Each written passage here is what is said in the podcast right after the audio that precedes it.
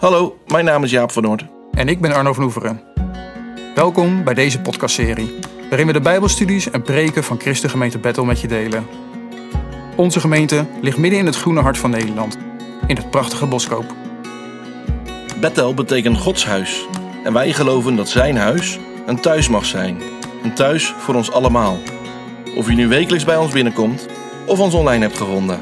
Waar je ook bent. Welkom. Welkom.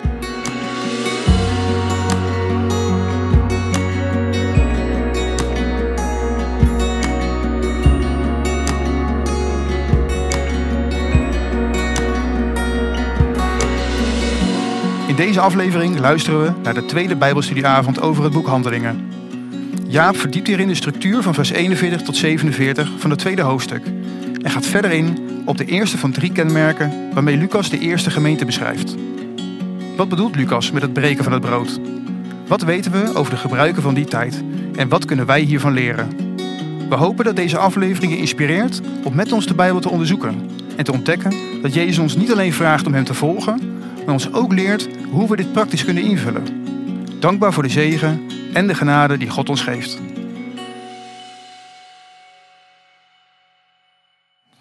Goedenavond. Even dubbelcheck. Volgens mij waren jullie allemaal de vorige week bij? Nee? Mirjam niet? André niet? We hebben een nieuw gezelschap. Ik moet. Hartstikke leuk. Ik hoef me niet voor te stellen, dat scheelt. en ehm, ik ga ook niet de hele les van vorige week herhalen. Dat lijkt me ook niet handig. Maar zoals jullie weten, eh, doen Arno en ik deze Bijbelstudie samen. Dat wil zeggen dat hij vorige week is begonnen met een introductie van het boek. Een stukje van de structuur en de manier waarop het boek is opgebouwd. Hij heeft benoemd dat Handelingen eigenlijk vertelt hoe Jezus het koninkrijk van God na zijn dood en hemelvaart door de Heilige Geest verder uitbreiden. Dat het werk van Jezus is wat we lezen en hoe de apostelen dan dat evangelie verkondigden. Het is mooi om te zien dat het, bij, het boek laat een structuur zien van Petrus die eh, van Jeruzalem naar Samaria eh, het evangelie brengt. En eh, later komt weer een nieuwe persoon in het verhaal. Dat is Paulus die het evangelie naar het uiteinde van de wereld brengt. En in dat drieluik uh, is het boek ook opgebouwd. En het laat zien dat de hoofdpersoon dus niet een van de twee kan zijn. Want de hoofdpersoon is uh, aan het begin nog aan het eind aanwezig. Maar er is één persoon in dit hele boek aanwezig. En dat is Jezus Christus zelf door zijn Heilige Geest heen. We hebben ook gezien dat het geen boek is wat uh, bedoeld is als blauwdruk of wetboek voor de manier waarop je een kerk zou moeten bouwen of waarop je beslissingen zou moeten nemen. En tegelijkertijd zie je dat er momenten zijn in het boek dat de schrijver juist wel die aanwijzing geeft en zegt: hey, spotlights erop, let op, ik wil dat je hier even extra aandacht voor hebt. En dat is een van de dingen waar ik vandaag ook weer verder mee ga. Soms wil de schrijver je echt wel wat meer, wel iets meer doen dan alleen maar vertellen. En um, dat doet Lucas uiteindelijk met uh, voor hem hele gebruikelijke methodes. Voordat we verder duiken, wil ik graag bidden. Dank u wel, Heer, voor deze avond dat we hier bij elkaar mogen komen. Dat we ja, gewoon met elkaar mogen nadenken, ons mogen verdiepen in uw woord. Dat we kunnen leren van elkaar en dat we ook uh, ja, vooral mogen leren van u, wie u bent en wat u doet. Wat u deed in die tijd en wat u wilt doen en doet in onze levens. Ik bid u zegen over deze avond. Kom met uw kracht, kom met uw Heilige Geest en ja, help ons en leid ons in Jezus' naam. Amen. Zoals um, aangekondigd heeft uh, Arno dus de vorige keer gesproken over de, de, inleiding. En ga ik vandaag het hebben over een van de um, kenmerken die Lucas omschrijft in Handelingen 2. Als hij de kenmerken van de eerste gemeente omschrijft. En we beginnen, het is een beetje vreemd, want ze staan niet in deze volgorde in de tekst. Maar het kwam uh, agenda technisch beter uit voor mij om te beginnen. Dus we beginnen met het breken van het brood. Wat als derde wordt genoemd. Dan hebben we het over de onderlinge gemeenschap. En over twee weken pakt Arno dan weer de, het onderwijs van de apostel op. Dus we werken achter ze voren. Maar dat is, uh, daar ben je snel genoeg aan. Wat ik al even zei was dat uh, Lucas de spotlight zet op die tekst in Handelingen 2 vers 41 tot 47. En nou kiezen wij er dus voor om het boek Handelingen te gaan bespreken. En gaan we drie van de avonden besteden aan zo'n klein blokje tekst. Nou, dat is, verdient wel een klein beetje uitleg, denk ik. Um, wat we doen is, we, we nemen tekst als uitgangspunt. En we kijken vervolgens weer over het hele boek heen, maar ook over de hele Bijbel heen. Wat raakt de schrijver hier nou eigenlijk aan op het moment dat hij deze teksten zoveel nadruk geeft? Dus het is het, eigenlijk het vertrekpunt van een avond over het breken van het brood, is die tekst in Handelingen 2.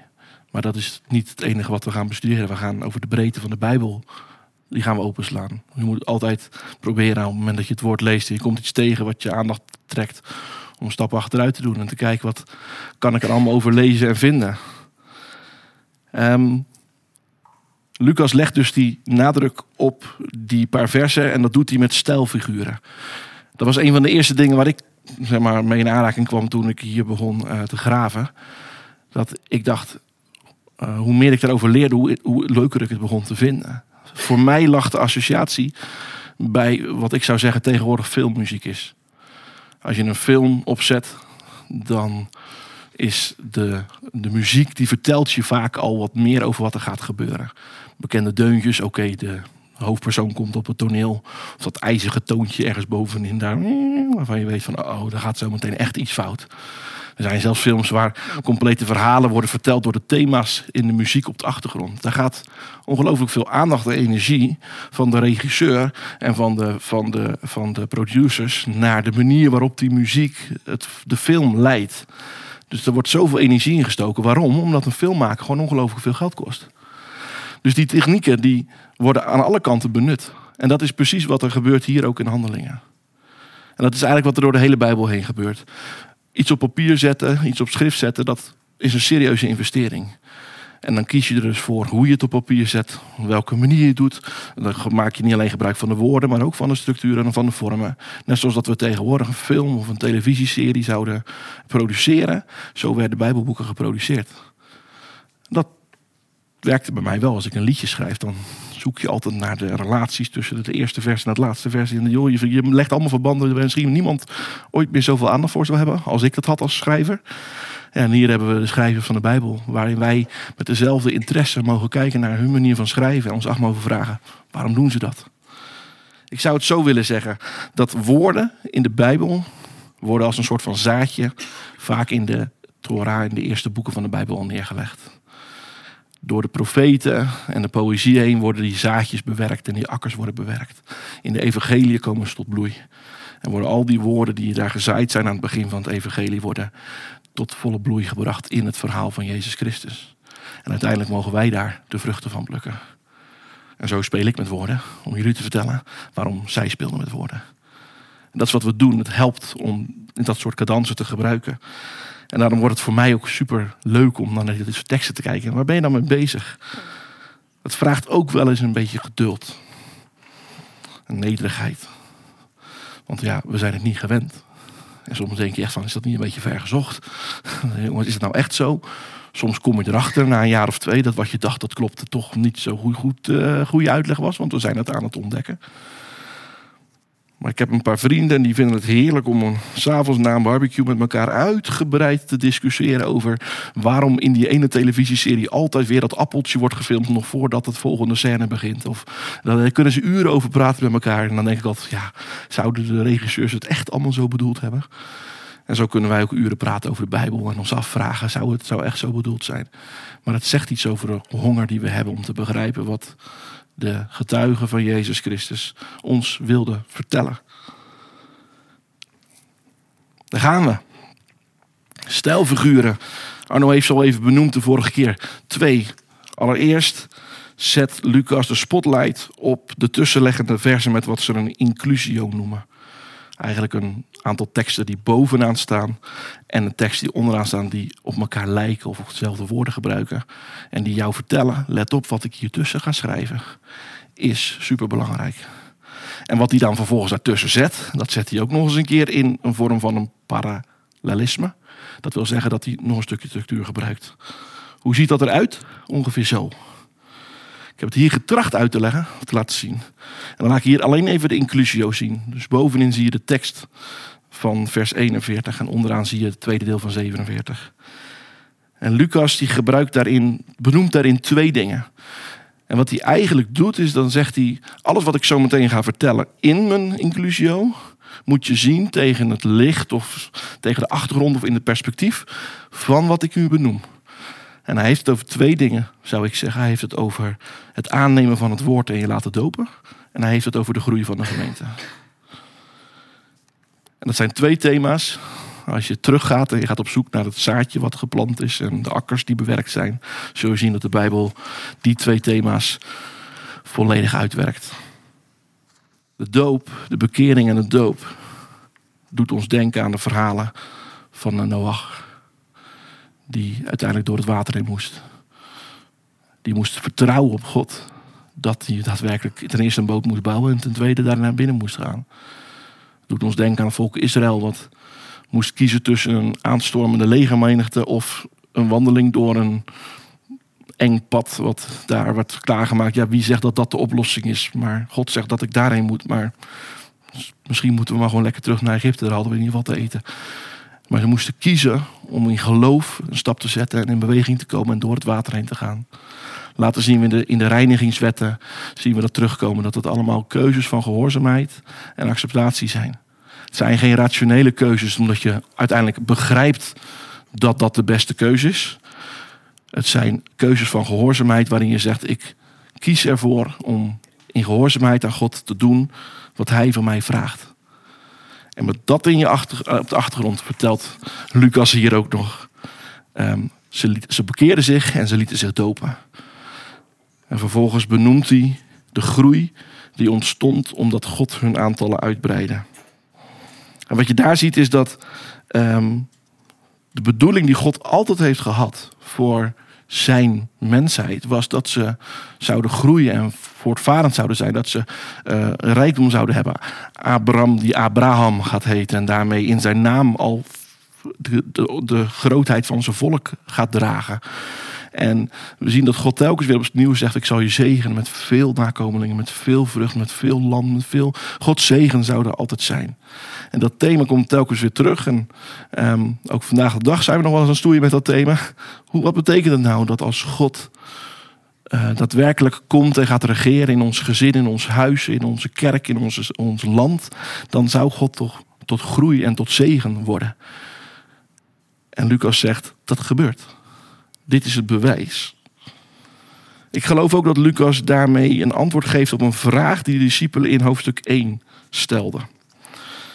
Rijen raakte hem zondag al even. En het is een, uh, een zeker geaccepteerde uitleg waarin wordt gezegd van ja, ze stelden opnieuw de vraag die ze al eerder. Jij zei volgens mij zondag, uh, ze vielen weer in een valkuil. Wanneer gaat het dan gebeuren? Een andere uitleg zegt dat ze toen uiteindelijk, dat, dat Lucas deze woorden van de discipelen gebruikt, omdat hij in hoofdstuk 2 uiteindelijk gaat vertellen dat het gebeurt. Want Jezus geeft als antwoord aan de discipelen als ze vragen: Wanneer gaat uw koninkrijk beginnen? Zegt hij: De tijd is niet aan jullie, je moet wachten.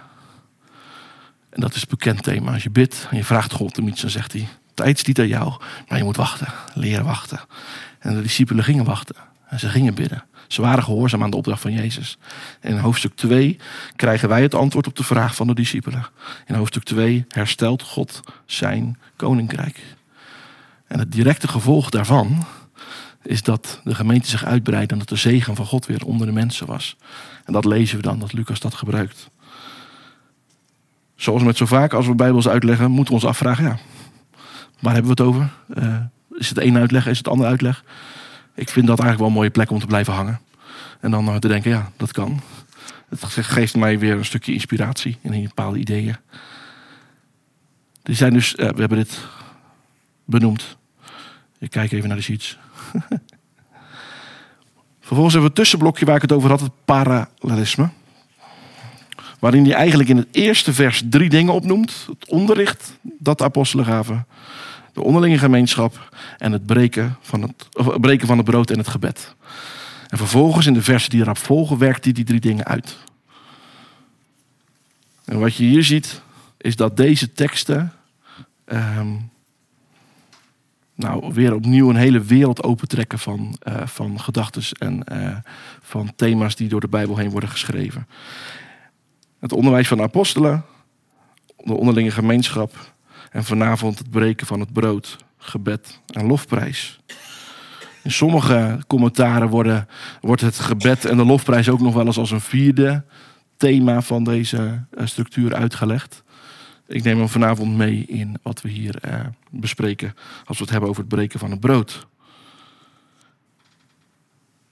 Ja, wat ik net niet benoemd heb, is dat, dat in die, eh, zin staat dus ze wijden zich. Ze waren toegewijd en trouw. Daar lezen we ook nog wel eens makkelijk overheen. Hè? Dus ja, we hebben drie punten, of dit zijn drie punten. Maar ehm, ik, hoe vaker ik door die tekst heen dook, hoe meer ik begreep dat Lucas gewoon onder de indruk is geweest van wat hij beschreef. Hij is al wat ouder, hij kijkt terug op die tijd en hij, hij spreekt eigenlijk, eigenlijk wel heel veel uh, woorden waardering en verwondering en ontzag over die tijd en over wat de gemeente deed. En hij, hij, hij hemelt ze haast op door te zeggen ze waren toegewijd en trouw aan. En dan komt hij met zijn, uh, met zijn punten. En ik denk dat als je, nou ja, als je als gemeente bij elkaar komt en je dit over je gezegd wordt, dan uh, hoef je je daar niet voor te schamen. Dat is een een mooi iets om, om, om met elkaar naar te streven of om met elkaar bij stil te staan. En dan komen wij, dan ga ik het met jullie hebben over het breken van het brood. Die woorden, die hebben voor mij en ik denk voor de meesten voor ons vooral een christelijke betekenis.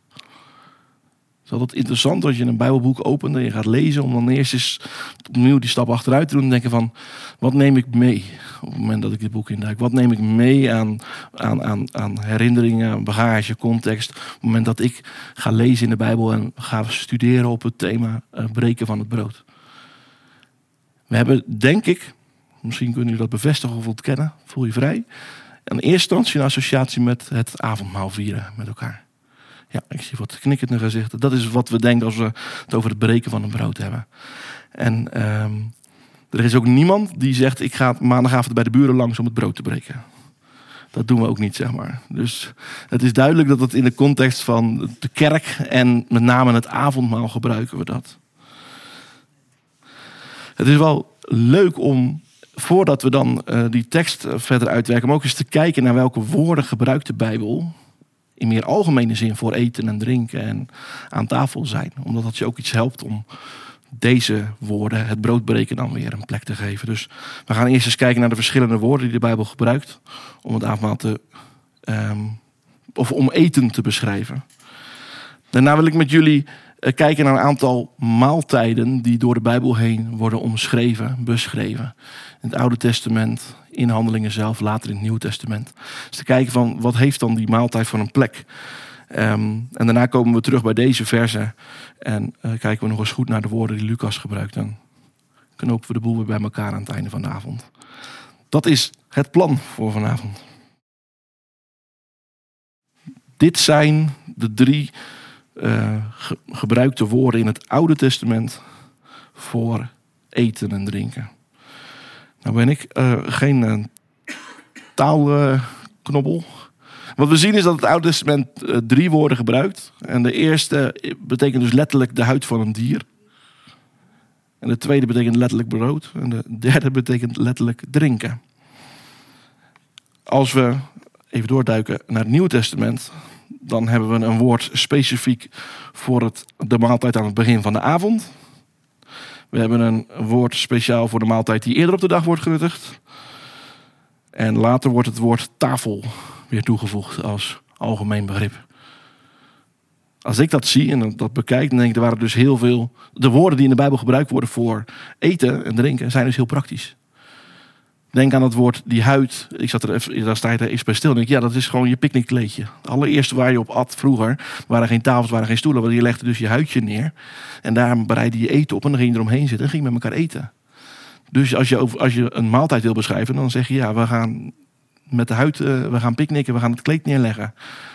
Later komt daar brood voor, wat meer wordt gebruikt in relatie tot gewoon eten. En daar wordt het woord drinken gebruikt voor meer feesteten. En waarschijnlijk iets wat meer uh, gezelligheid en uh, ja, toch wel wat meer de, de viering en de alcohol, denk ik dan. Hè?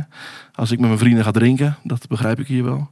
En als ik met mijn vrienden ga eten, dat zijn twee verschillende principes. Het is heel praktisch, de woorden die de Bijbel gebruikt voor deze dingen. In het Nieuw Testament zijn ze op een andere manier praktisch. Er is één woord specifiek voor de avondmaaltijd. Is een woord meer specifiek voor de middagmaaltijd. En als we even niet kunnen kiezen, dan hebben we het gewoon over een tafel. Nou, dat is ook, denk ik, heel praktisch.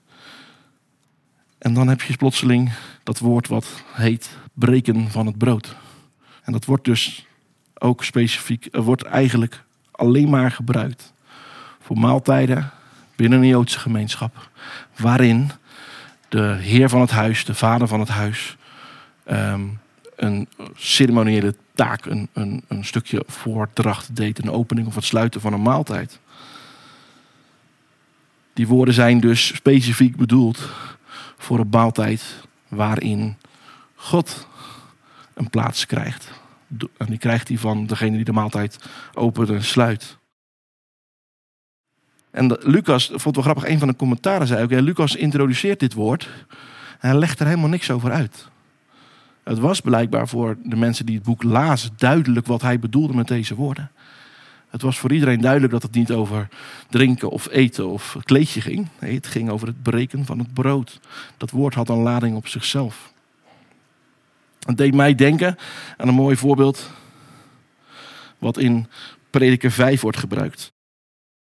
Wat je ziet is dat eh, eten en drinken, dat heeft een directe relatie met regen en zonneschijn. Als je te veel van het een of te veel van het ander hebt, dan heb je niks meer voor te eten. Prediker 5 zegt dat zo. Als God je rijk maakt, geeft Hij je de mogelijkheid om te eten en alles te hebben wat je nodig hebt. Om te genieten van alles waarvoor je zo hard hebt gewerkt. En dat is dan een geschenk van God. In de tijd uh, waarin deze brieven zijn geschreven, was dat nog steeds zo.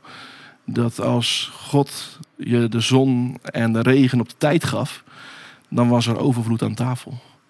Dan was er iets om dankbaar voor te zijn. En andersom, zat je aan tafel en had je ook nog eens de gelegenheid om daarbij vrienden uit te nodigen of om je tafel open te stellen voor heel veel andere mensen, dan was dat dus een teken dat God je gezegend had. Anders zou je uh, niet kunnen delen, anders zou je niet kunnen genieten, anders zou je niet kunnen feesten. Dus de maaltijd is per definitie een stukje dankbaarheid. En elke keer als je eet, dan bedenk je, ja, dit kan ook echt alleen maar omdat God goed is. Anders zou ik het niet eens hebben. Dus je ziet dus dat die maaltijden in de Bijbel ook uh, rondom bijzondere gelegenheden er altijd een maaltijd bij hoort. In Genesis zie je dat elk huwelijk verdient een maaltijd. Nou, dat zou ik nog wel kunnen begrijpen. Maar ook zodra de moeder haar kind geen borstvoeding meer geeft, dan verdient dat een maaltijd. In 1 Samuel 2, vers 23. En niet alleen de oogst van het graan verdient een maaltijd, maar ook als we de schapen gaan scheren, dan verdient dat een maaltijd. Dat is ook een oogst. Dat ook, ook, geeft je ook rijkdom en zaken. En maaltijden werden in vooral gebruikt om onderlinge banden en vriendschappen te benadrukken. Want je deelde iets wat God jou gegeven had met een ander. Ik denk dat vandaag de dag dat gevoel een beetje weg is. Als wij onze maaltijden houden. Als wij te weinig hebben, dan komt het omdat het voorraadbeheer van de Jumbo niet op orde is. Of omdat we te laat onze boodschap hebben besteld. Maar we denken niet meer direct aan dat God ons wel of niet zegent. Ik denk dat het gebed en het afsluiten, het Bijbellezen, alle gewoontes die we als christenen opgebouwd hebben rondom de maaltijd, wel degelijk daar in verbinding mee hebben. Dus het is niet zo dat we een gewoonte hebben opgebouwd die uit het niks komt. Nee, de maaltijd verdient het om een stukje stil te staan. En ik wil aan het einde van, uh, van deze avond ook echt wel met jullie daar stilstaan. Van wat, wat is nou de manier om op een maaltijd hoe om te gaan met je eten? En kunnen we daar een gewoonte van maken? En hoe zou dat eruit zien dan? Die uitdrukking van het breken van het brood, die, um, die is dus is, is bedoeld voor het samen eten. En tegelijkertijd is het ook een uitdrukking geworden voor met elkaar avondmaal vieren. Um, in de eerste kerk, de eerste gemeente, maar zeker ook in de kerk in de eerste eeuw, dus gewoon de vroege kerk, zoals we het ook al kunnen noemen, gingen die twee dingen eigenlijk gewoon dwars door elkaar heen. Was het niet specifiek het een of het ander. En um, in die tijd um, kende men ook wat ze een agape-maaltijd noemden. Zegt iemand van jullie dat wat? Ooit was? Ze worden nog steeds uh, gehouden, liefdesmaaltijden. Ze zijn bedoeld dat iedereen wat meeneemt. Iedereen deelt iets van zichzelf. Ik denk dan aan potluck en Amerikaanse maaltijden. Klinkt goed. Maar behalve dat je wat te eten en te drinken meeneemt, neem je ook je verhaal mee. Neem je ook je getuigenis mee. En deel je dus met elkaar niet alleen wat je eet, maar deel je ook met elkaar wie Jezus voor je is en wat hij gezegd heeft tegen je en wat hij uh, voor je betekend heeft. En zo'n liefdesmaaltijd, daar is dan ook altijd dat gedenkmoment. Dat we, ja, in zo'n liefdesmaaltijd wordt er echt op een moment stilgestaan. En dan dankt de gastheer voor het brood en hij zegent en hij breekt het en hij deelt het met elkaar. Het is een mooie combinatie van. En ik kwam in voorbereiding kwam ik een, een uh, uitnodiging voor zo'n maaltijd tegen en die vond ik prachtig. Dus die wilde ik met jullie delen. Daarna gaan we niet eten, maar nemen wel een bakje koffie. De uitnodiging was zo. Kom, niet omdat je moet, maar omdat je mag. Niet omdat je sterk bent, maar omdat je zwak bent. Kom, niet omdat je eigen goedheid je het recht geeft om te komen, maar omdat je genade en hulp nodig hebt. Kom omdat de Heer van je houdt en, hem, en je hem meer lief wil hebben. Kom omdat Hij van je houdt en zichzelf gegeven heeft voor jou. Kom en ontmoet de opgestane Heer, want wij zijn zijn lichaam. Dat is de uitnodiging om elkaar te ontmoeten en met elkaar maaltijd te hebben. Dan gaan wij, uh, wat mij betreft, een bakje koffie drinken. Kom.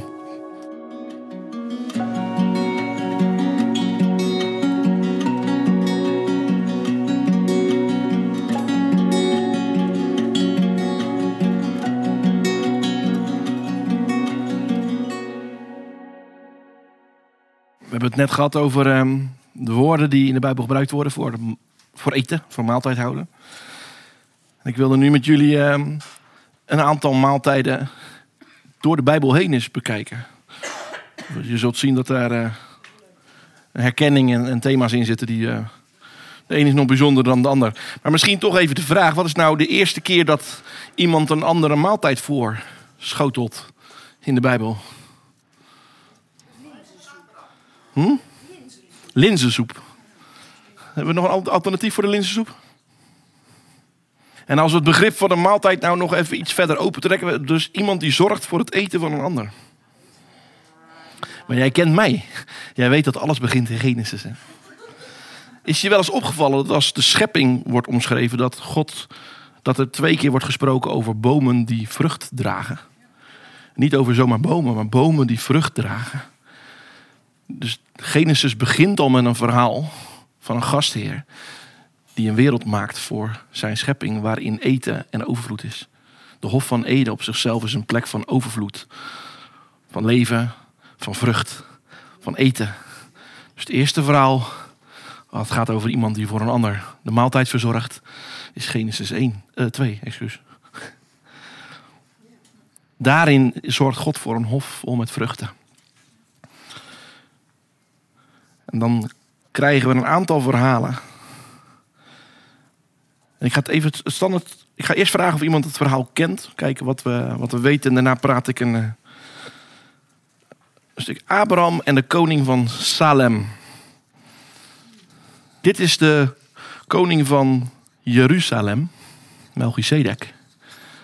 Abraham heeft een overwinning behaald, heeft een oorlog, uh, hij heeft zijn broer, uh, hij heeft Lot gered. En hij komt terug en Melchizedek uh, komt de poort uitlopen en nodigt hem uit en zegent hem. Abraham die bewijst eer. En uh, dan staat er dus dat brood en wijn, dat uh, Melchizedek brood en wijn deelt en een zegen uitspreekt over Abraham. Melchizedek is per definitie een fascinerend figuur in het verhaal.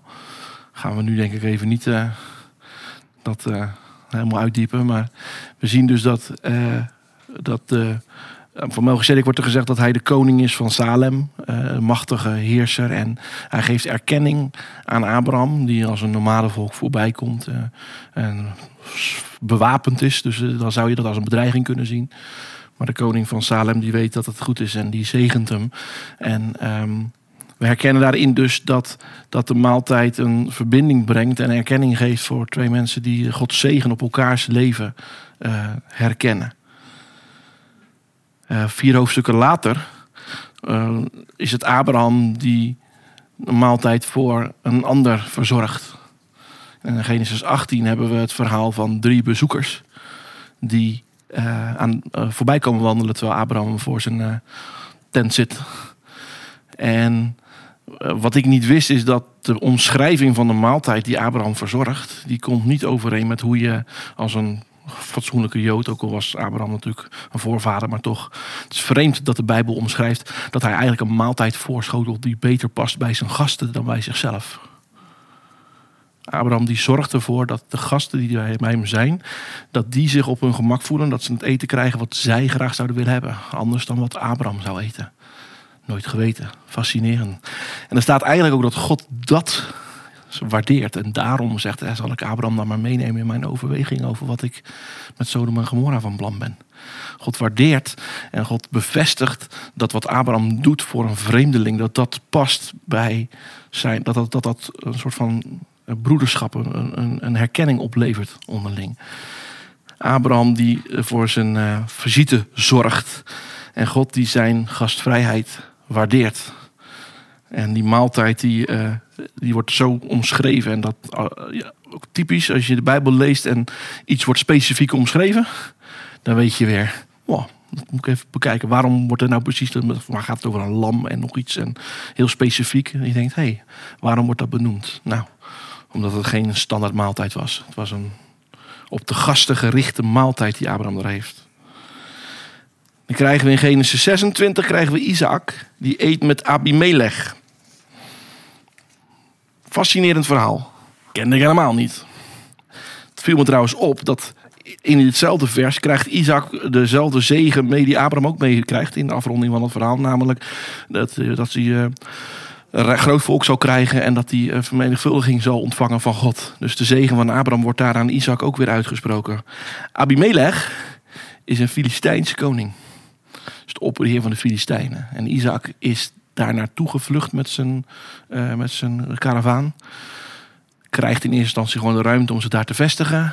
Isaac wordt bijzonder gezegend door God en zijn volk groeit. Het lijkt een parallel van de structuur van wat we later wat over Egypte, over Israël en Egypte leren. Je ziet dat het zaadje al gelegd wordt voor een verhaal wat later weer wordt uitgewerkt. En we zien dat Isaac uiteindelijk de jaloezie van het volk van de Filistijnen, ze beginnen Isaac lastiggevallen, ze gaan zijn putten dempen, ze gaan Isaac proberen te verjagen van het land. En Isaac die kiest ervoor om in plaats van dat te bevechten en ruzie te zoeken, om zijn tenten in te pakken en dan maar te gaan. En dan reist de koning van de Filistijnen reist hem achterna. En dan zouden jij en ik denken, oh, dat gaat niet goed. En dat dacht Isaac ook. Dus die ontvangt hem en die zegt, joh, wat kom je doen? En de koning zegt, ja, ik kom niet om te vechten. Ik kom om een verbond met je te sluiten. Want ik zie ook wel dat Gods zegen op jouw leven is. En dan zegt Abraham, oké. En dan maakt hij een maaltijd klaar voor deze Filistijnse koning. En dan eten ze samen en dan drinken ze samen. Ik vind het fascinerend dat de, de voorvader van het volk in een relatie met de volk om hen heen, die, waarvan, ik, waarvan ik ben voorgeprogrammeerd om te denken dat dat allemaal vijandigheden waren. Maar ze aten en ze dronken met het volk waar tussen ze leefden. En ze werden gezegend door God. En dat zagen die koningen ook. En ze zeiden, joh, kunnen we daarin delen? Er was geen scheiding tussen de voorvaderen van Israël en de volk heen. Er waren verbonden, er waren, ze waren met, trokken met elkaar op in deze verhalen. Ehm, dan krijgen we een bekend verhaal. Als we doorgaan in de, Bijbel, dan komen we bij het Pesachmaal uit. Dat, ehm, dat we wel kennen, denk ik. Misschien te makkelijk om te zeggen. Maar we hebben, uh, we, hebben, uh, we hebben eigenlijk een soort van parallel met het verhaal van Isaac die bij de Filistijnen gaat wonen. Maar nu hebben we de kinderen van Isaac die bij de Egyptenaren zijn gaan wonen. En God is vol met zegen over zijn, zijn volk. En het volk groeit en wordt machtig en sterk. En opnieuw ontstaat daar ruzie. In dit geval kiest de koning van Egypte ervoor om ze te overheersen en om ze te onderdrukken. Er ontstaat een tiran die het volk van God probeert te vernietigen. En God zelf komt uiteindelijk in actie en God gaat aan het werk om zijn volk te bevrijden. Ehm, en daar zie je dat God op, eh, nou ja, op een gegeven moment God kiest ervoor om. God gaat de strijd aan met Egypte. God gaat een gevecht aan met de goden van Egypte, zegt, zegt het Bijbelverhaal. En in die strijd ehm, komt er een moment dat de, dat de toorn en de boosheid van God in zijn volle hevigheid op het volk, op Israël of op Egypte zal vallen. Alle schuld en alle, alle onrecht wat Egypte over zijn volk heeft uitgestort, daarvan zal God zeggen, daar ga ik mee afrekenen. Dit wordt hard tegen hard. En we lezen de parallel van dat de eh, de farao heeft ervoor gekozen om alle kinderen van het volk Israël, de, de, de zonen van Israël, te vermoorden. En God eh, geeft hem terug op zijn donder en zegt: Ik ga de zonen van Egypte, alle eerstgeborenen, gaan dood. Dat is een heftig verhaal. Soms kun je het niet plaatsen, want er zit zoveel geweld. Wat mij hielp daarover was om te lezen dat God niet zegt: Ik heb een vete met Farao. Maar hij zegt tegen, eh, tegen Mozes: Hij zegt: Ik ga het gevecht aan met de goden van Egypte. Ik heb een gevecht met de goden van Egypte te, te voeren. Hij heeft een gevecht met de machten en de heerschappijen die op dat moment een tiran over Israël zijn. En eh, die goden die worden, eh, die, die manifesteren zichzelf door de farao. En de farao eh, is, is in die zin, en God manifesteert zichzelf door Mozes. En net zozeer als dat je aan de kant van Mozes ook door het verhaal heen niet geen onderscheid kan maken tussen wat God nou zegt en wat Mozes nou zegt. En dat loopt dwars door elkaar heen als je het verhaal leest. Zo zie je aan de kant van Farao zie je ook dat verschil tussen de goden van Egypte en de Farao, dat wordt in het verhaal gewoon als één gemaakt. En wat je ziet is dat die clash die eindigt. En dan komt er een moment dat God zegt: Ik ga met mijn volle gewicht de strijd in. Ehm, en nou, nou, nu zal die breken. Maar dat betekent wel dat wie dat niet kan dragen, of wie, daar, van, wie daarvoor eh, beschermd wil worden. En dan geeft God een uitweg voor alle mensen. Voor alle mensen. Hij geeft hem niet alleen voor de Israëlieten. Hij zegt: iedereen in Egypte die een, lam slacht en het bloed op de posten smeert, daar zal ik voorbij gaan. Als je het nou hebt over zaadjes en akkers, die worden gelegd, dan zie je hier dat het verhaal zich al langzaam begint eh, te tonen. God die strijd voert met de overheden van deze wereld. En die alle mensen een kans geeft om zichzelf, eh, om, om daar vandaan te komen. En in dat verhaal zien we dat, eh, dat, dat als het volk uiteindelijk, nadat God over Israël of over Egypte heeft ge, eh, geoordeeld, dat het volk dan eh, bevrijd wordt, dan zie je dat, eh, dat, dat het wordt ingesteld als een gedenkmaaltijd. Om stil te staan, om opnieuw te bedenken wat het betekent om door God beschermd en eh, bevrijd te worden. En dat God hun eerst uit Egypte riep, hun eerst bevrijdde en daarna een verbond met ze sloot. Het begon met God die het, eh, volk redde. Eh, een prachtige maaltijd die we zo meteen in de laatste knoop van het verhaal natuurlijk terug gaan vinden. Als Jezus deze maaltijd gebruikt om zijn verhaal te vertellen. Als het volk uiteindelijk in, eh, in de woestijn komt en ze gaan eh, God ontmoeten, dan lezen we dat het volk eh, bij de berg komt. Bij de Horeb, de berg waar, waar God uiteindelijk vanuit de hemel neerkomt. Bazuingeschal. Uh, de indrukwekkende aanwezigheid van God wordt daar zichtbaar. Ik wist niet wat ik las toen ik hier nog een keertje over naging. Wist je dat? God uiteindelijk. Volgens mij zijn het 70 leiders, vier uh, priesters en Mozes uitnodigt. Ze gaan de berg op. Ze komen tot aan de rand van Gods fysieke aanwezigheid, wat wordt omschreven als een vuurgordijn. En dan staat er dat God ze daar een maaltijd voorschotelde. De hemel boven hun opende. Ze zagen de troonzaal van God. En ze hebben daar gegeten en gedronken met God als gastheer en uitzicht op de troonzaal van God. Dat is een maaltijd geweest. Dat is een fascinerend verhaal. Daar kan je nou eens een beetje muziek onder schrijven. Dat is een goede speelfilm. Maar God nodigt het volk in eerste instantie uit om met hem in verbond te treden. Maar het volk zegt, nou, laat maar, wij blijven hier. En uiteindelijk nodigt hij dan dus de, de, de ouderlingen en de priesters uit om te komen. Ergens denk ik, wat zou er nou gebeurd geweest als het hele volk naar boven was geweest? Dan had het een heel groot feestje geworden, zeg maar. Uiteindelijk wordt ook iedereen uitgenodigd om in Gods troonzaal te komen en te eten. Um, Misschien loop ik vooruit op de zaken. Maar wat je daar ziet is dat God hun uitnodigt. Dat is het einde van ook weer zo'n bekende structuur in de Bijbel. Een, een deel van het boek. En daarna, in de eerstvolgende hoofdstuk, begint een nieuw, nieuw deel van, eh, van, eh, van het boek. En dan gaat Mozes door die vuur. Uh, door dat vuurgordijn, door die firewall heen. En dan gaat hij in Gods aanwezigheid. En dan begint de uitleg van de eerste wet. En dan begint God zijn verbond met Israël te smeden. Maar je zou er maar bij gezeten hebben. Dat je eten en drinken krijgt voorgeschoteld van God.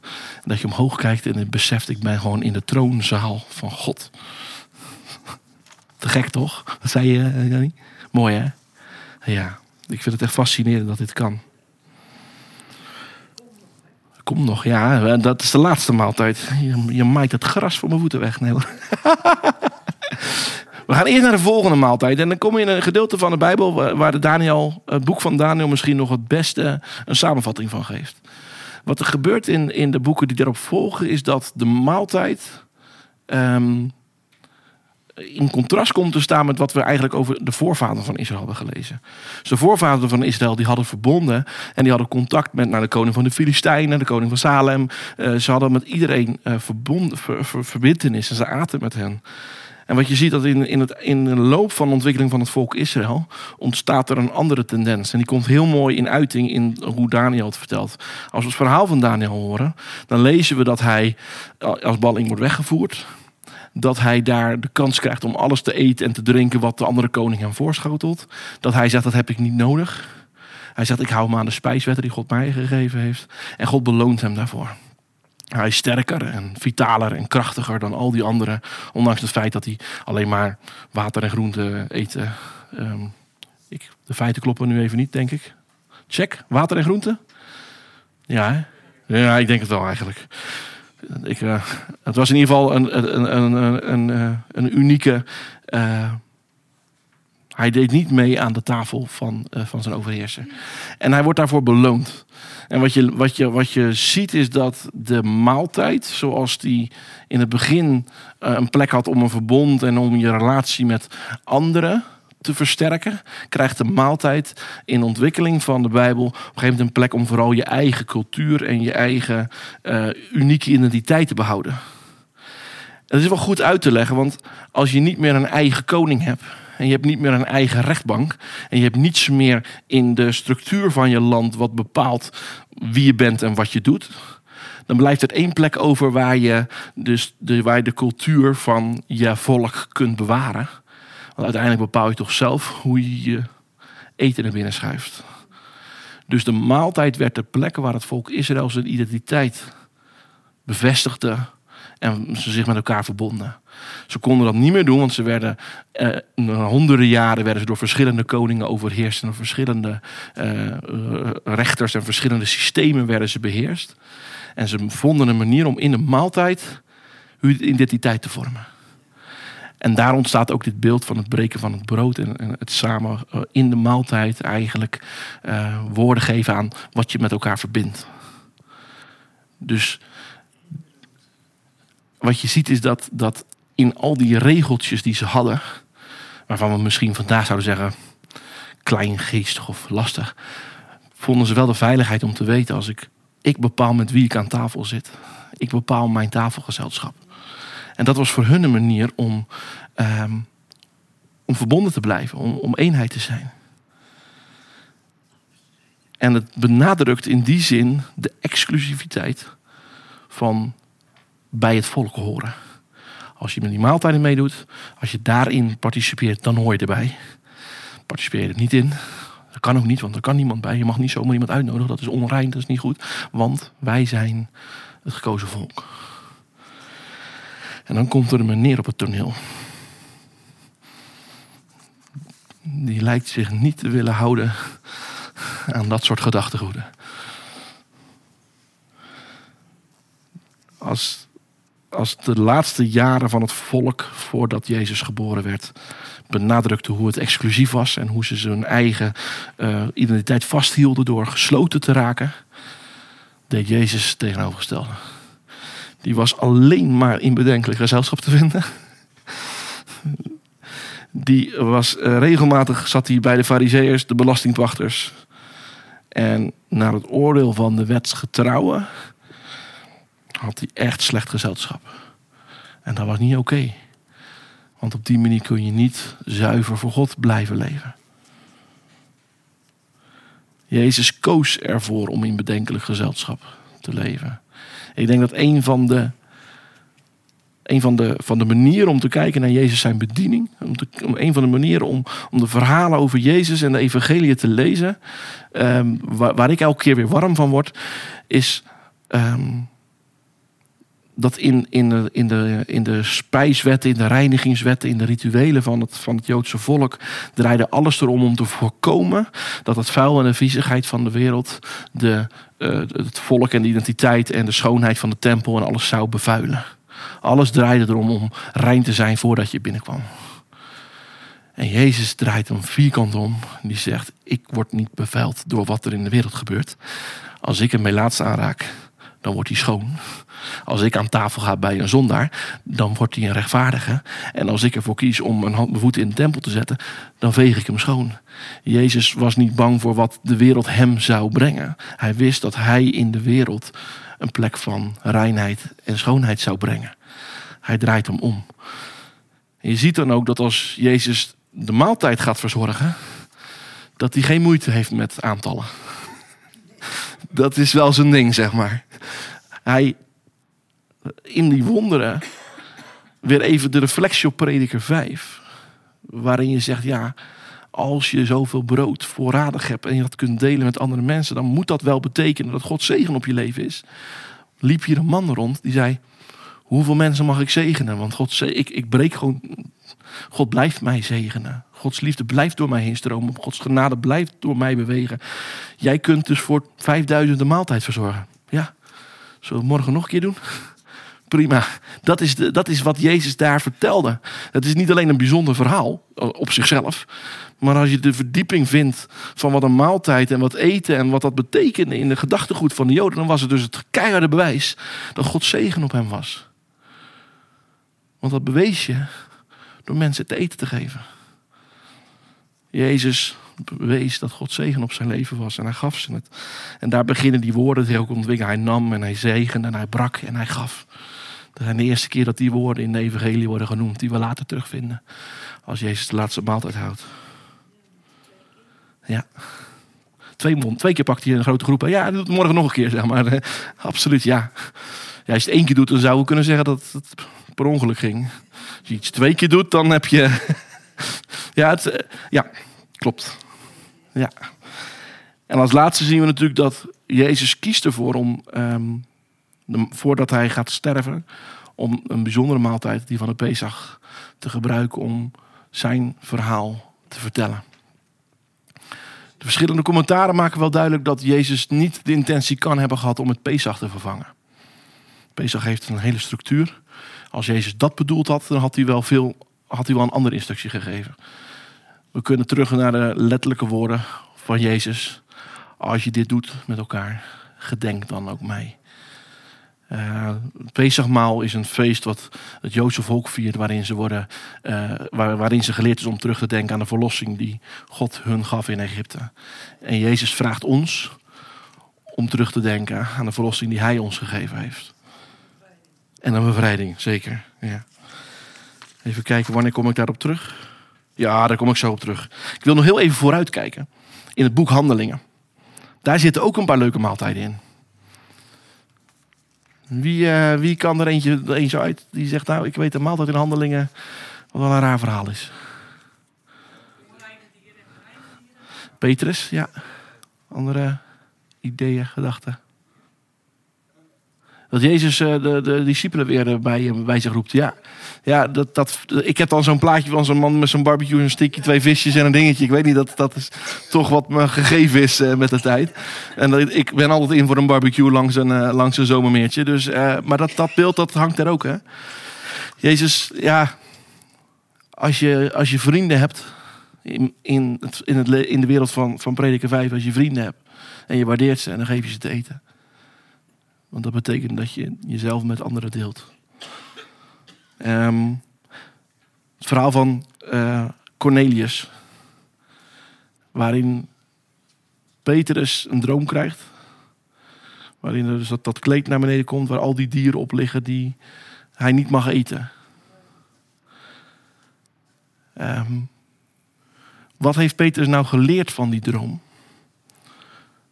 Als, je het goed leest, dan zegt Petrus op het moment dat hij bij Cornelius aan, aan, aan het huis komt, hij wordt binnen een korte tijd wordt hij op een gegeven moment geroepen van je moet mee naar het huis van Cornelius. En dan gaat hij mee. Dat is heel raar, want Cornelius was geen Jood. Die had zijn huis niet gereinigd. Dat was een zootje daar. Dat was een heidens huis met, met, met, met vuil vlees. En Petrus komt daar binnen en die zegt: Ik heb een droom gehad. Over dat wat heilig is en niet heilig is. En daarom kom ik nu bij jou naar binnen om met jou te eten. Want niet wat mijn mond ingaat vervuilt mij.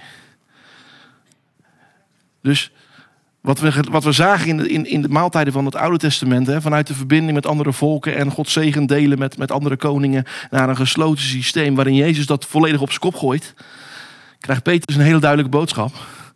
Jouw maaltijd met een ander vieren, vieren, dat is wat ik van je verwacht. Als Petrus niet die droom had gehad over die doek met die dieren, had hij nooit naar Cornelius gegaan. Dat had hij niet kunnen en willen doen. Maar dat was die droom waar het Petrus zeker wist: het is oké. Mijn maaltijd is niet langer een bescherming van mijn leefwereldje, maar het is de verbinding met de wereld om mij heen. Niet meer dit, maar dat. Niet meer in elkaar gekrompen, maar open. Even fascinerend is het als de grootste christenvervolger van het eerste deel van het boek, ene Saulus, uiteindelijk blind wordt afgevoerd naar een stad. En daar ontmoet hij dan Ananias. En dan zegt Paulus, ja, God heeft me verteld dat ik naar jou moet luisteren. En zegt Ananias, is mooi. En een dag later eet Paulus met de christenen van Damascus. Ze hebben een maaltijd met elkaar, terwijl ze een dag daarvoor elkaar nog in het leven stonden. Vraag aan mijzelf, als ik vandaag iemand ontmoette die mij gisteren nog dood wilde hebben. En hij zegt, ik ben een volgeling van Jezus. Zullen we samen een hapje eten? Kan ik het al dragen? Ja, als Poetin morgen hier binnenstapt. Dat is een voorbeeld wat je geeft, Jannie. Als Poetin morgen hier binnenstapt en zegt, ik heb het gewoon verkeerd gedaan. Dat moet echt anders. En ik geloof dat ik de, dat ik de leider moet worden van de vrije wereld. Hebben wij het in ons om dan te geloven dat dat God is die werkt in een ander? En dan te zeggen, oké, mijn maaltijd is jouw maaltijd. Laten we samen eten met elkaar. We gaan ergens in de, verderop in deze Bijbelstudies gaan we het hierover hebben. Hebben we helden in ons leven die nooit meer kunnen vallen en heidenen die nooit meer kunnen opstijgen? Of leren we dat God beweegt in mensenleven en dat we een opdracht hebben? We zien hier dat, dat, eh, dat de manier waarop Saulus wordt ontvangen door de christenen in Damascus is een wonder op zichzelf.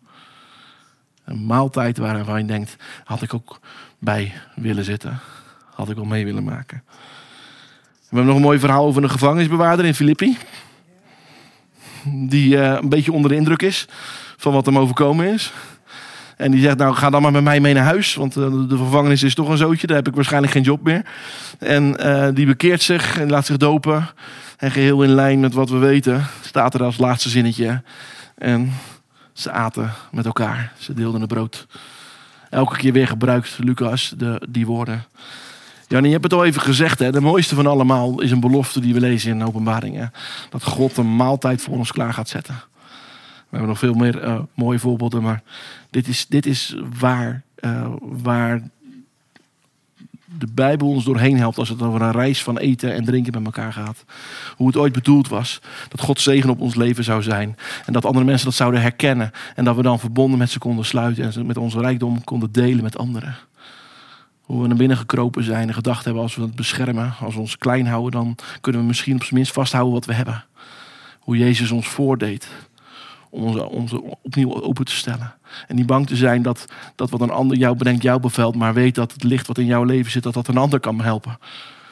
En hoe uiteindelijk de eerste gemeente en de gelovigen in handelingen langs die weg wandelden en dat deden. En dat dat best wel bizarre maaltijden opleverde. Waarvan je denkt, waarom zitten jullie samen aan één tafel? Hebben jullie de memo gemist of zo? Nee, God heeft ons bij elkaar gebracht. We leven weer in, als eenheid. Het was, als je kijkt naar die maaltijden, in mijn beleving haast vanzelfsprekend dat Jezus zijn verhaal uiteindelijk in een maaltijd overbracht aan zijn volgelingen. Hij kiest niet een nieuw uh, principe, hij kiest niet voor een nieuw soort vaartuig, een nieuw soort model om de kerk op te bouwen. Het avondmaal is niet een, een, iets nieuws, hij kiest een bestaande structuur waarin de gelovigen al jaren bewogen. Namelijk tijdens een maaltijd. Dat is onze kans om te gedenken waar we voor staan. En hij stapt daarin en hij zegt: Als je nou brood eet en wijn drinkt. En je bent gewend om dan te gedenken dat dat brood alleen maar in je handen ligt omdat God de regen en de zon heeft gegeven. Dat die druiven alleen maar hebben, zijn gegroeid omdat God de zon op je heeft gegeven. Als je dankbaar bent voor wat God je heeft gegeven, doe dan ook dit. Bedenk dan dat de zegen van God niet alleen van de zon en de regen is, maar ook van mijn bloed en mijn lichaam. Als je een leven van dankbaarheid leeft, is dat een leven waarin je dankbaar bent voor wat God je geeft. In het, wat je eet en wat je drinkt. En in hoe je hart en je, je geloof gebouwd wordt door de verlossing van wat Jezus Christus doet. Als Jezus ons dat voordoet, dan leert hij ons dat we vanuit gastvrijheid en niet vanuit isolatie ons geloof mogen beleven. Dat betekent dat de vraag wat is goed gezelschap niet gaat over wie er bij jou aan tafel komt, maar over wie jij aan tafel bent. Ben jij goed gezelschap? Ben jij degene die Gods liefde en Gods goedheid wil delen? En dan wordt de vraag met wie je verbonden bent ook direct weer beantwoord. En Lucas schrijft dus ook niet over dat er een maaltijd werd gemaakt om te gedenken. Maar Lucas schrijft dat tijdens de maaltijd er een moment van gedenken was. Want daar werd tenslotte al jaren en al eeuwen uh, aan gewerkt. En dat is een mooi moment om terug te gaan naar die paar versen waar we mee begonnen zijn. Ik lees even wat hier staat. Zo'n gedachte. Het koninkrijk van Jezus werd zichtbaar in de sociale en de culturele vezels van de eerste gemeente.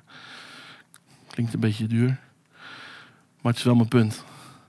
Als Lucas omschrijft dat ze met elkaar aten, dan bedoelt hij daarmee dat dus in hun dagelijks leven, in de manier waarop ze met elkaar omgingen, werd duidelijk dat ze een nieuwe gemeenschap waren.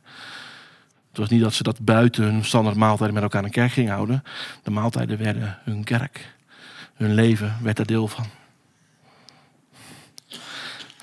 Dan zegt hij, elke dag, dag kwamen ze trouw en eensgezind samen in de tempel. Braken het brood bij elkaar thuis en gebruikten hun maaltijd in een geest van eenvoud en vol vreugde.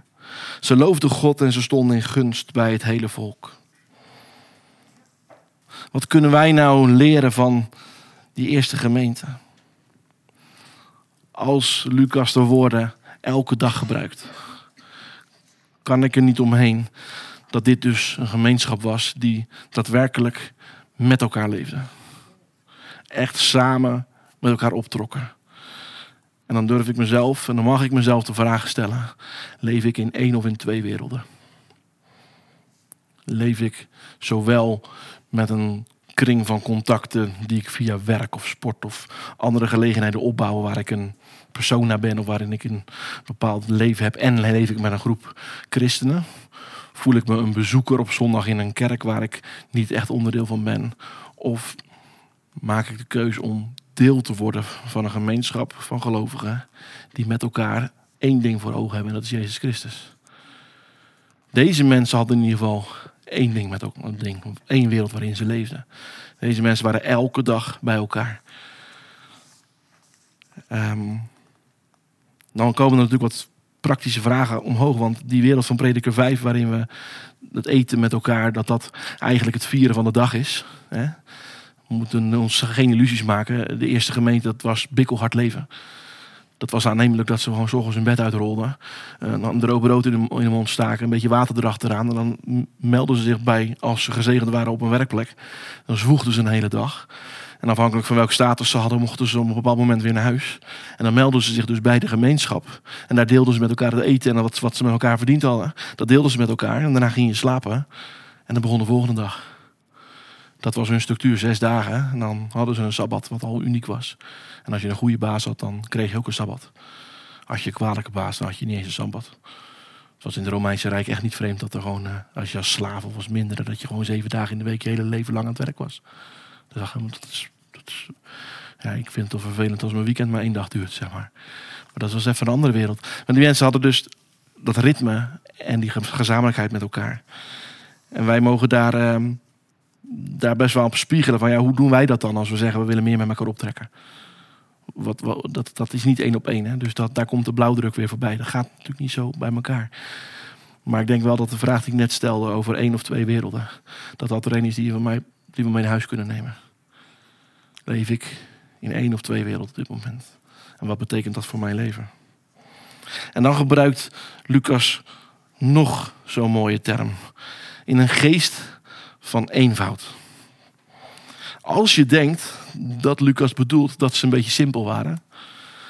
Nou, dat, ik denk dat dat uh, voor de meesten van ons wel geldt. nou, dat zal hij wel niet bedoeld hebben.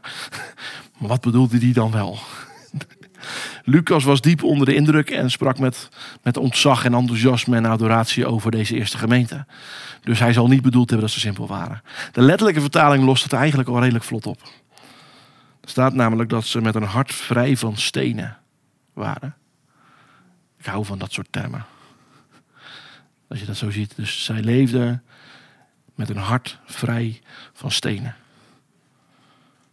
Dat getuigt natuurlijk van die maaltijd die we kennen, waarin je geen verschil hebt tussen Joden of niet-Joden, geen verschil tussen vrije en slaven. Of je nou wel ingewijd bent in de kerk of dat je nog een prilgelovige bent. Je rijk of arm bent, uh, hoog opgeleid, laag opgeleid. Je ontmoet elkaar aan één tafel als één groep. En je hart is vrij van stenen. Hoe kom je op, dat, op die plek? Ik denk dat dat het gebed van vanavond mag zijn. Daar hebben we een brok, genade voor nodig om daar te komen. Hoe verschillend ook zijn, kunnen we daar naartoe groeien. En dan zegt Lucas dat ze vol vreugde waren. Ik denk, ik begrijp dat wel. Als je zo'n leven leidt, als je als eerste gemeente bij elkaar gekomen bent, als je het verhaal van Jezus niet ergens een keer geleerd hebt, maar gewoon dat de discipelen dat jou verteld hebben en dat je met elkaar nog, nog eens nababbelt over hoe die tijd was. Misschien heb je wel twee keer dat brood gegeten, twee feesten meegemaakt van Jezus. En dan, dan, dan, dan ben je vol met vreugde. Maar dat verhaal, dat, door heel handelingen blijft dat staan. Dat ze eten vol vreugde. En dat is een doorlooptijd van een jaar of negentig. Dus dat is, dat is iets anders. Daar zit iets anders in dan uh, een lekker gevoel. Daar zit iets van dankbaarheid in. Er zit iets van, van een besef dat of je graanschuren nou vol of leeg zijn. En of je nou uh, een, een leven vol met overvloed hebt of dat je tekort komt. Je kunt God dankbaar zijn voor wat hij je geeft. Maar meer dan dat is de dankbaarheid in het feit voor het bloed, van, van zijn bloed. En zijn vlees. Dat Jezus zegt van dit zijn de dingen waar je aan mag denken. Wat Jezus voor hun gedaan had, werd een bron van dankbaarheid. dus in die dat was eerst was de focus op God geeft ons te eten. En nu gaat die focus naar God geeft ons te eten. En hij geeft ons vrijheid. Hij verlost ons. Hij maakt ons deelgenoot van zijn identiteit. Dus er is, er is een reden tot vreugde in deze groep. Voor mij een leuke uitdaging die ik jullie ook mee wil geven. Hoe doe je dat nou als je thuis een maaltijd opent. Jullie weten het, ik heb eh, twee zonen en eh, twee dochters. Dus ik heb zo'n beetje de hele range nu inmiddels van eh 11 jaar tot eh ukkie pukkie. En het gebed aan het begin van de maaltijd. Nou, Heer, dank u wel voor het eten. Wilt u zegenen ook deze avond. Amen. Ik, wil iets meegeven aan mijn kinderen. Wat? Nee, ik wil mezelf leren. Laat ik bij mezelf beginnen. Ik wil mezelf leren.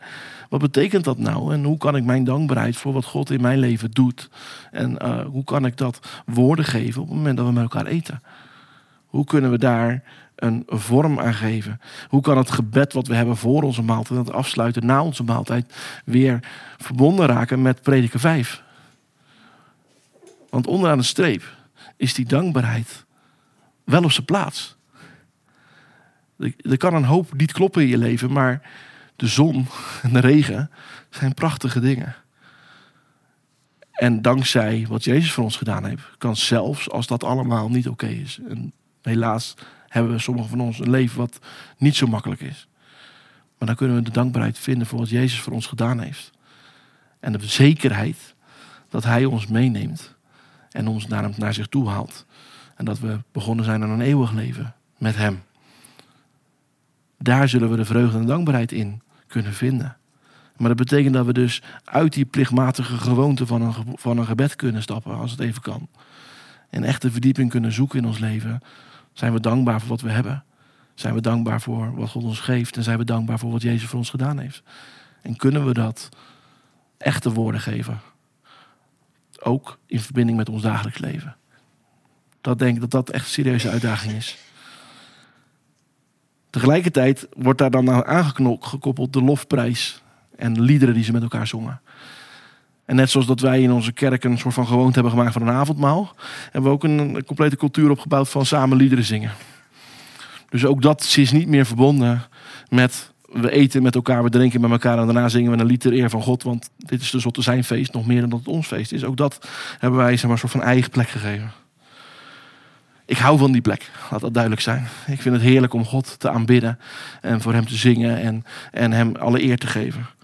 Wat, wat dit mij, met mij gedaan heeft, dit zo lezend en de relatie, de, de noodzaak vinden om de relatie te leggen tussen het verhaal van het brood breken en de lofprijs, is het besef dat de, de grond van onze lofprijs, ook hier op zondag, is dankbaarheid en eer geven aan Hem.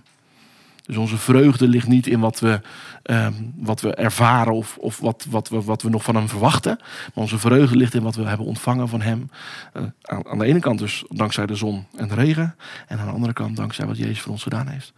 En we moet, ik denk dat het goed is om dat voor ogen te houden als wij met elkaar lofprijzen. Als we met elkaar zingen. Dat we beseffen, dit is omdat we dankbaar zijn voor wat God ons gegeven heeft. Dit is ons loflied voor hem. Ehm, als aanbiddingsleider eh, worstel ik wel eens met nieuwe liederen en teksten. Waarin die focus nog wel eens wil verschuiven. Naar wat we denken, wat we in beweging kunnen zetten. Als we maar op de juiste manier de juiste dingen zingen. En dit bracht me weer terug. Ik denk, nee, ik heb maar één ding te bezingen. En dat is wie God is voor mij in mijn leven. En dankbaarheid voor Hem.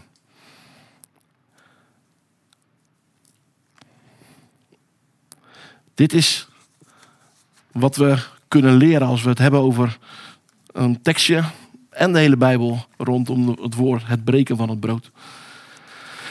Hebben jullie nog vragen, gedachten die je wilt delen? Hmm. Oh, die heb ik overgeslagen. Hoe durf ik? Het manna in de woestijn, absoluut. Over een maaltijd gesproken. Wist je dat, dat de grap is dat, ehm, tekstuitleg, zes dagen manna, zeven dag niet. Maar ze moesten op de zesde dag moesten ze pakken wat ze nodig hadden. Maar sommigen gingen op de zevende dag naar buiten om te halen. Nee, maar dat betekent dus dat je dus op de zesde dag moet accepteren dat wat je pakt, dat is dus genoeg. Dus de rust waar God ons in wil brengen, is dus in die maaltijd wordt echt duidelijk zichtbaar: ik zorg voor jullie. En ik zorg voor dat er is. En als ik zeg dat je wat je op de zesde dag raapt, dat dat goed genoeg is voor de zevende dag, moet je niet op de zevende dag naar buiten lopen. Het lachte trouwens wel, maar het verrotte toch in de potten. Ze namen te veel mee. Dit moet nog eens, deze moet toch nog eens een keertje terug. Want volgens mij moesten ze dan op de zesde dag wel voor twee dagen pakken. Of moesten ze voor één dag pakken. Oh, heerlijk dit. Ja, 10% extra op de eerste dag, zeg maar, dat soort dingen. Dit zijn van die verhalen dat de- Bijbel wordt, wordt vaak uitgelegd als meditatieliteratuur. Dus je, we zijn nu zeg maar, door die maaltijden heen gegaan. We hebben ze allemaal gehad. En dan moet je nou weer terug naar het begin gaan. En dan ga je de Bijbel opnieuw lezen en dan ga je eens opletten wat er gebeurt in die maaltijden. En dan vind je dus een hele nieuwe verdieping in wat de Bijbel je wil leren. Elke keer weer opnieuw dat rondje maken door de Bijbel heen. Met nieuwe inzichten van wat er aan het einde gebeurde. Terug naar het eerste verhaal. Dat is zo verrijkend. En nu heb ik dus de neiging om heel rap naar dat mannenverhaal te gaan. Dan denk ik, wat stond er nou ook alweer? En wat, wat betekent dat dan met de inzichten van die laatste verhalen... van dat koninklijksmaal in openbaringen? Wat kan ik dan nog leren uit het eerste verhaal? Dat is het mooie van de Bijbel als je gaat... Als je, ja, als je erin gaat zitten, zeggen ze dan eh, in slecht Nederlands. Als je er echt in gaat, gaat eh, vroeten, zou je kunnen zeggen. Ja, leuk. Hebben jullie al honger? Dan ga ik de avond afsluiten. Dank u weer voor deze avond. Dank u weer, u bent goed, u bent groot. En we zijn dankbaar voor alles wat u ons geeft. Uw liefde, uw overvloed. En uw verlossing in ons leven.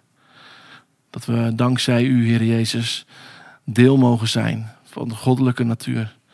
Van uw kracht en van uw, ja, van uw majesteit. Wij zijn deel met u geworden, Heer. Dank u wel daarvoor. Heer, ik bid dat de woorden die, we, die ik gesproken heb en de dingen die we met elkaar gedeeld hebben, dat ze ons zullen bemoedigen en dat ze ons zullen versterken om u verder te ontdekken en door uw woord en door, ons, door de ontmoeting met elkaar.